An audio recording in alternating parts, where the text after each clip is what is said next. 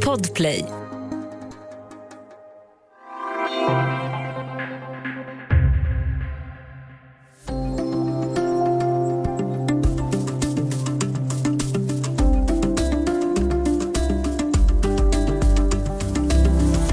Epoken Angela Merkel är över. Någon annan tar strax över rodret i Tyskland. Söndagen den 26 september går 83 miljoner tyskar till val. Varför ska vi bry oss om det? Välkommen till Studio DN. Jag heter Sanna Thorén Björling.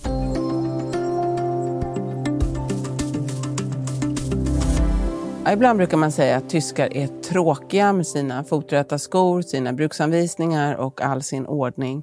Men det är ju faktiskt inte hela sanningen. Det finns ju också rätt mycket öl och gemyt. Eller hur Lovisa Herold, DNs Tysklands korrespondent med oss idag. Välkommen!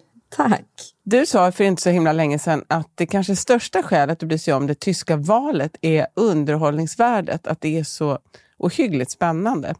Det där tycker jag är intressant, jag som är lite nördig i amerikansk politik. Vad är det som är så roligt med den tyska politiken? Jo, men det är ju för första gången på väldigt länge spännande. Angela Merkel har ju suttit vid makten nu i 16 år. Nu ska hon lämna posten som förbundskansler och tre personer vill efterträda henne. Och de här personerna har turats om och leda under valrörelsen och det är ju väldigt spännande nu när vi är inne på upploppet. Mm. Ja, Angela Merkel ska sluta, som du sa, 16 år. Jag tänker eh, lite på henne som fysikern från Östtyskland som sen blev Tysklands modersgestalt på något sätt. Hur tror du, hur kommer man att minnas epoken Merkel? Jag tycker du beskriver det bra. Jag tror att många kommer, kommer minnas henne som den här stabila, pragmatiska politikern som lyckades hålla ihop Europa under flera kriser. Finanskrisen, coronapandemin, flyktingkrisen. Och där, det märks i, i den nuvarande valrörelsen att man, man tävlar lite om att verka lika trygg och stabil som Angela Merkel. Det är verkligen ett, ett, ett skifte oavsett vem som tar över. Hur, hur märker man det? Ja, men dels då genom att många av de här kandidaterna försöker, och, eller många ska man säga, två av de tre kandidaterna försöker profilera sig just som att vi kan vi kan leda det här vidare, det här stabila, framgångsrika Tyskland. Medan den tredje kandidaten då som kommer från det här gröna partiet, hon gör tvärtom. Hon säger nu behöver vi förändring, nu behöver vi bryta med det här gamla, sega, tröga, omiljövänliga Tyskland och skapa förändring. Mm. Så alla tar på något sätt eh, spjärn mot henne eller måste ändå förhålla sig till, till det Verkligen. som hon lämnar efter sig. Mm. Men du, Merkel hon har ju varit både partiledare för kristdemokratiska CDU och förbundskansler. Tyskland har ju också en president. Så jag tänkte bara, du kan väl ge oss en liten snabb lektion här i statsvetenskap. Vad, vad gör en förbundskansler? Ja, det är inte helt lätt att förstå. Alltså, om, vi, om vi börjar med förbundspresidenten så är det en, en statschef som framförallt då har liksom uppgiften att representera landet och stå över partipolitiken.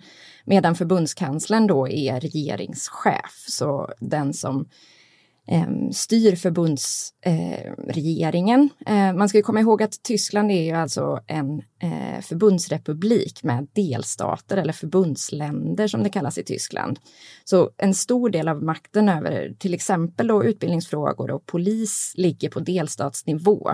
Och det gör det lite extra komplicerat att förstå den, den tyska politiken. Och nu när, när man går till förbundsdagsval, då handlar det alltså om nationell nivå. Det är där Angela Merkel ska ersätta ersättas. Men det finns också flera delstater som har val samma dag. Och då är det alltså de frågorna som, som delstaterna beslutar om som står på spel. Just det. Om vi håller oss då vid den nationella nivån. Merkels efterträdare eh, som partiledare är Armin Laschet. Eh, honom har vi pratat om förut i podden.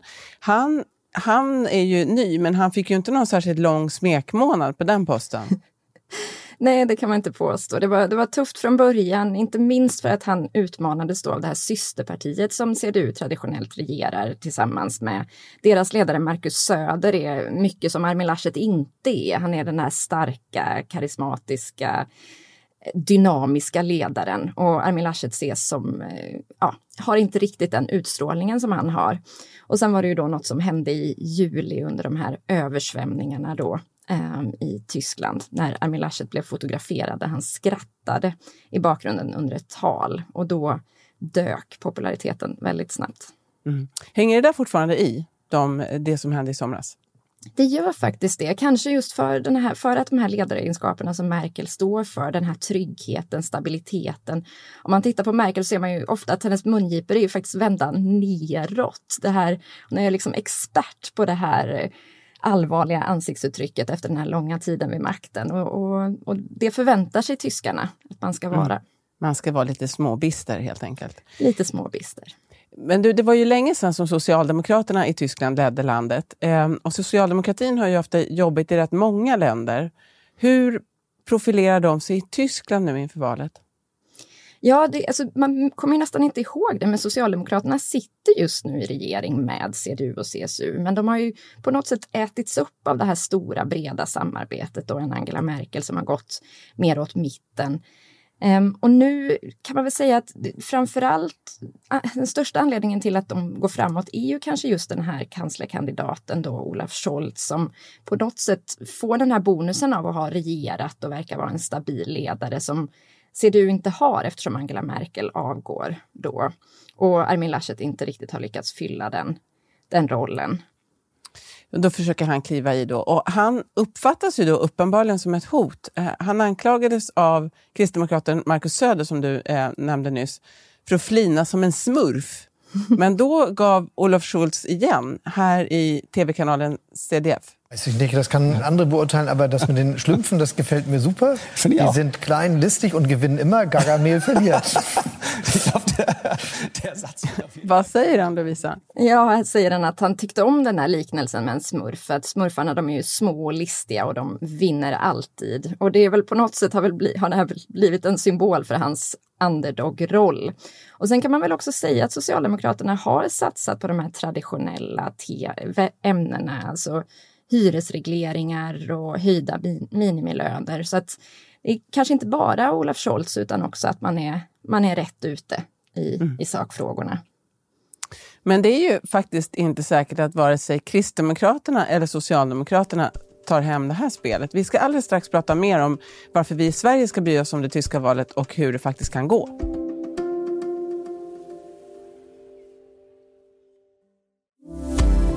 Studio DN idag. Vi pratar med Lovisa Herold som är DNs korrespondent i Berlin. Vi pratar om det tyska valet. Du Lovisa, de gröna i Tyskland, det är ju ett betydligt större parti än vad Miljöpartiet är i Sverige. Eh, de kanske till och med är störst. Vi får väl se här. Men du, hur viktiga är miljöfrågorna för tyska väljare? Ja, men miljöfrågorna är... Det kom en undersökning nyss som visade att en tredjedel av väljarna tycker att det här är den viktigaste frågan. Så den har verkligen seglat upp som eh, valets huvudfråga. Och som vi pratade om tidigare så profilerar sig de gröna verkligen på det här med omställning, framtid, modernitet. Och, och där ingår klimatet då som en jätteviktig fråga för väljarna. Mm. Vi, vi, kan höra ett exempel på hur det kan låta. Det här är de grönas partiledare Anna-Lena Baerbock. Wo Kinder jetzt in provisorische Kitas gehen und eine Erzieherin mir gerade davon berichtet, dass eine Dreijährige immer wieder zu weinen anfängt, wenn es regnet, weil sie glaubt, es wird wieder ihre Kita weggespült werden. Precis, här beskriver Anna-Lena Baerbock då, det är ett exempel som jag har hört henne nämna i flera av sina tal under, de senaste, under den senaste månaden och det handlar om en treåring i ett av det här översvam, de översvämningsdrabbade områdena i Tyskland som börjar gråta varje gång det börjar regna för att hon är rädd att hennes förskola ska spolas bort igen. Och det här symboliserar på något sätt den här, det här budskapet att vi, vi behöver den här omställningen för våra barn och barnbarns skull, för framtidens skull. Och klimatförändringarna är Hotet är inte omställningen utan hotet är klimatförändringarna och de ser vi redan idag.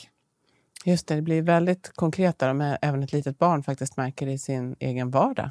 Precis, precis. Och sen ska man väl säga att de gröna ser inte ut att bli största parti. De ser ut att, att ha, ha svårt att få nosa på förbundskanslerposten. De ligger på 17 procent ungefär de senaste mätningarna. Eh, SPD på 25, men de kan spela en viktig roll i, i den kommande regeringen och det är troligt att de kommer att få bilda koalition. Mm. Du, I Sverige så får ju både migrationsfrågorna och kriminaliteten ganska stor uppmärksamhet.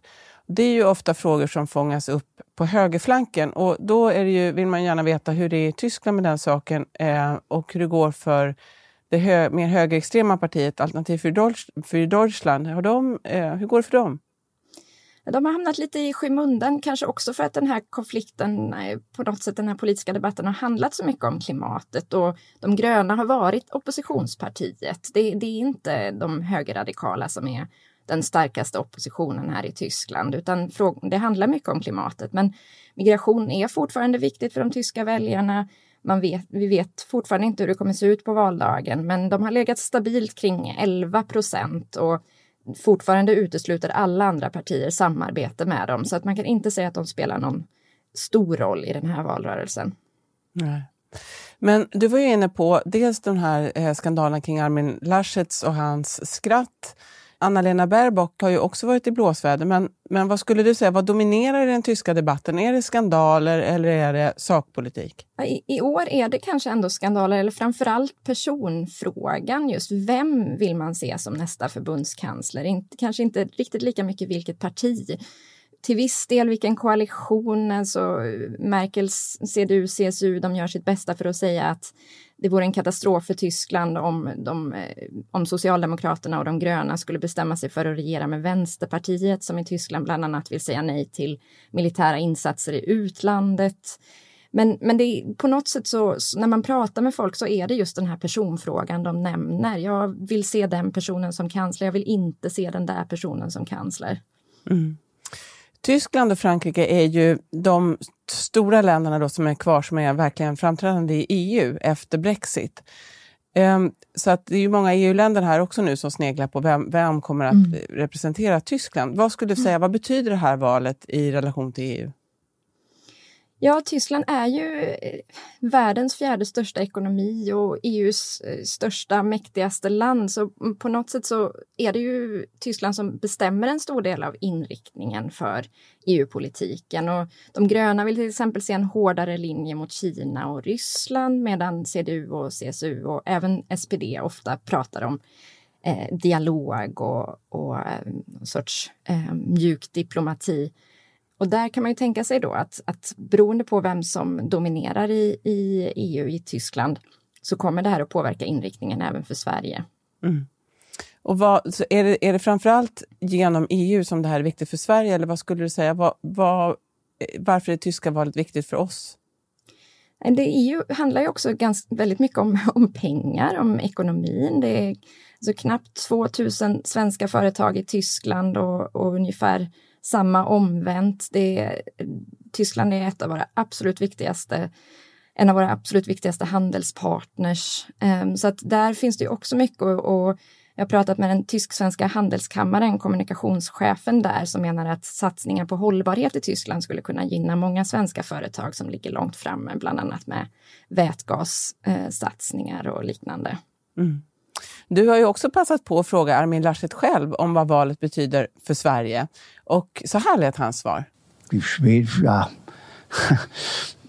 Welche neue Regierung kommt, hängt ja vom Wahlergebnis ab und von den Koalitionspartnern.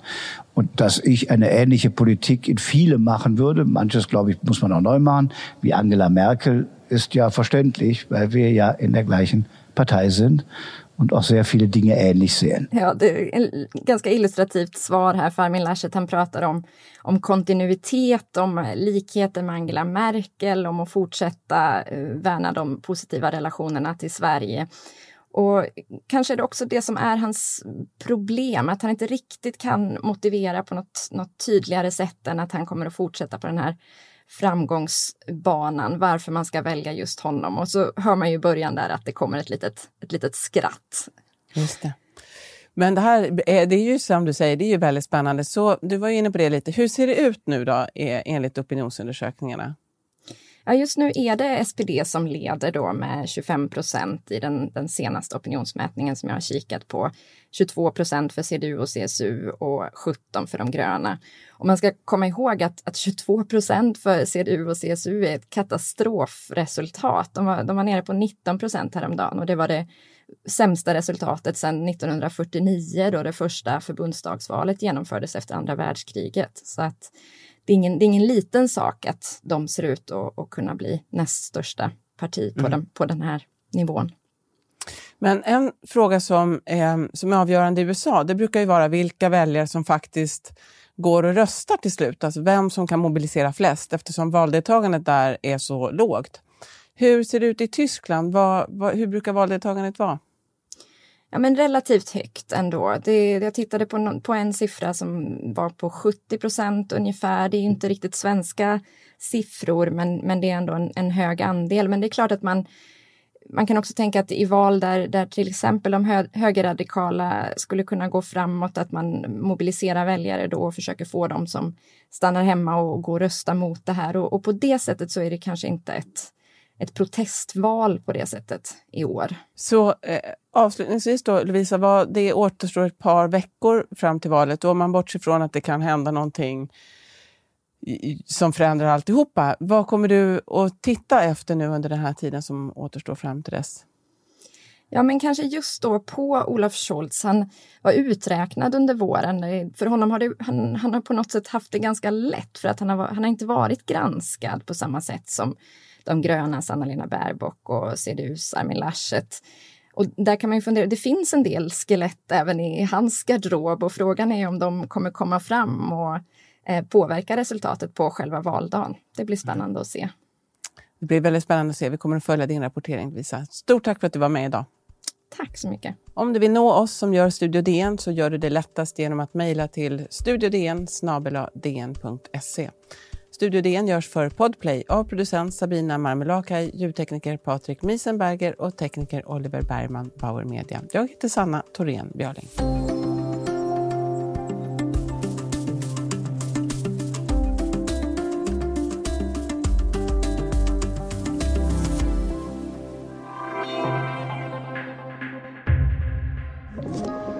Podplay